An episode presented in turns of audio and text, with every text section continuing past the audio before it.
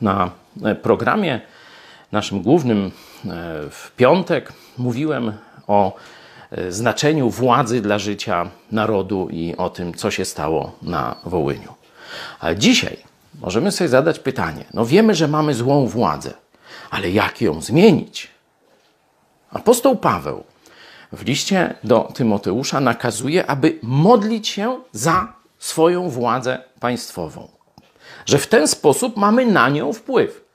Ona, jak powiedziałem, może być zła, głupia, gnuśna, zbuntowana wobec Boga.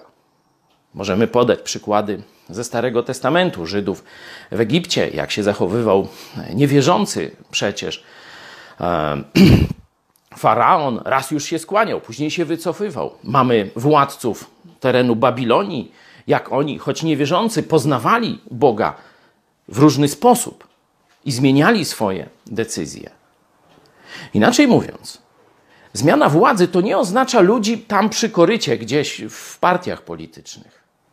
Możemy dokonać zmiany władzy przez ingerencję Boga w nią, ale do tego potrzebny jest wierzący naród. Jeśli niewierzący naród ma głupią władzę, to nic się nie zmieni.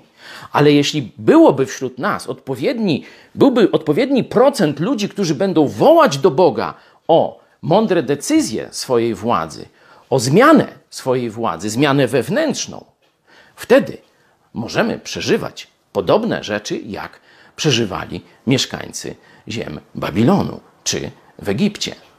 Bóg może zmienić nawet złe władze. Pytanie, czy jest tu w Polsce odpowiednia ilość serc, które tego pragną?